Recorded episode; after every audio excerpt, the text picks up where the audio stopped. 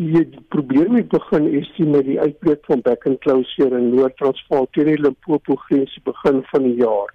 Dit het tot gevolg gehad dat byvoorbeeld vleis van beeste en skape en varke nie uitgevoer kon word nie. Daar was 'n verbod en dit was ook op wol geplaas en dit is waar die probleem begin het. Die uitvoer op vleis is opgehef, dis weer aan die gang. Die probleem met wol is China is ons grootste koper van ons wolskeersel oor die 70% van ons wolskeersel.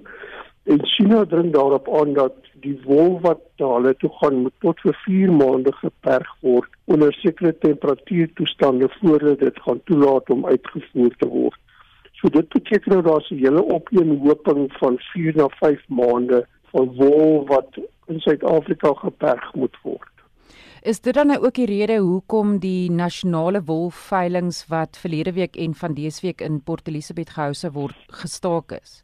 Ja, die kopers van wol of die agente wat in Suid-Afrika optree, se siening is hulle koop die wol op die veiling, hulle die boer word betaal binne 'n sekere aantal dae en dan moet hulle die koste dra om hierdie wol vir 4 maande te stoor en dan nog 'n maand om dit in China te kry en dan kry hulle eers hulle geld terug.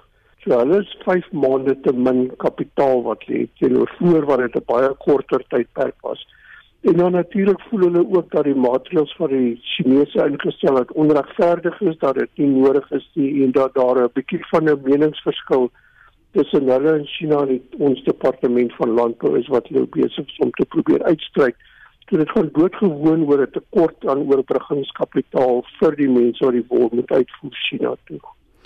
Maar Johan, dit is 'n enorme krisis in die land. Hoe raak dit wolprodusente? Ja, dit raak hulle baie ernstig want um, wolprodusente skeer enigiets van 8 maande tot 12 maande wol per jaar. So dis een of twee keer 'n jaar wat jy inkomste het. En nou kan hulle nie daardie produk omsit in kontant nie en hulle nou soos dit op die oomblik staan is daar nie veilinge nie en dan moet hulle nog steeds ook 4 of 5 maande wag afhangende hoe die ding nou uitspeel voor 'n kontantvloei. So die wolboere is besig om 'n baie ernstige kontantvloei probleem in te loop want hulle kry nie hulle produk verhandel nie. Hoe kan dit beredder word? Wel, die ene is hulle is nou besig om te onderhandel met die Chinese om te kyk of hulle nie die hele termyn kan verkort en ander maatreëls gaan tref nie wat ek verstaan wel moontlik is. Die ander moontlikheid en na my mening is natuurlik dat die landbank kan tree as 'n oorbruggingsfinansiërder want hy doen dit byvoorbeeld by mielies. Die milies word gekoop by die boer word in 'n silo gestuur en dit word finansier oor 'n tydperk en ek dink dis een van die opsies as ons so fasiliteit kan kry dan kan die veiling herstel en die geld kan minstens vloei al vloei die produk eers 4 of 5 maande later. Johan het nou verduidelik dat 'n groot 70% van ons wol word uitgevoer na China toe. Sou dit dan korrek wees om te sê as dit swaar gaan in die wêreldekonomie, het dit ook van selfsprekende impak op wolverkope en veral wolpryse in Australië het 'n direkte impak op die Suid-Afrikaanse wolindustrie. Hoekom? Ons Suid-Afrikaanse wolveilingspryse volg die van Australië direk. Nou, nou Australië is natuurlik die leier in die wolbedryf, die grootste produksie van wol in Suid-Afrika. China is die grootste koper van wol in die wêreld. Hulle koop ook die meeste van die Australiese wol. Die dilemma met wol is dit word as 'n luukse produk geklassifiseer en wat ons in die verlede gevind het sodra ekonomie onder druk kom na skaal mense af op volklere na meer sintetiese goedkoper klere.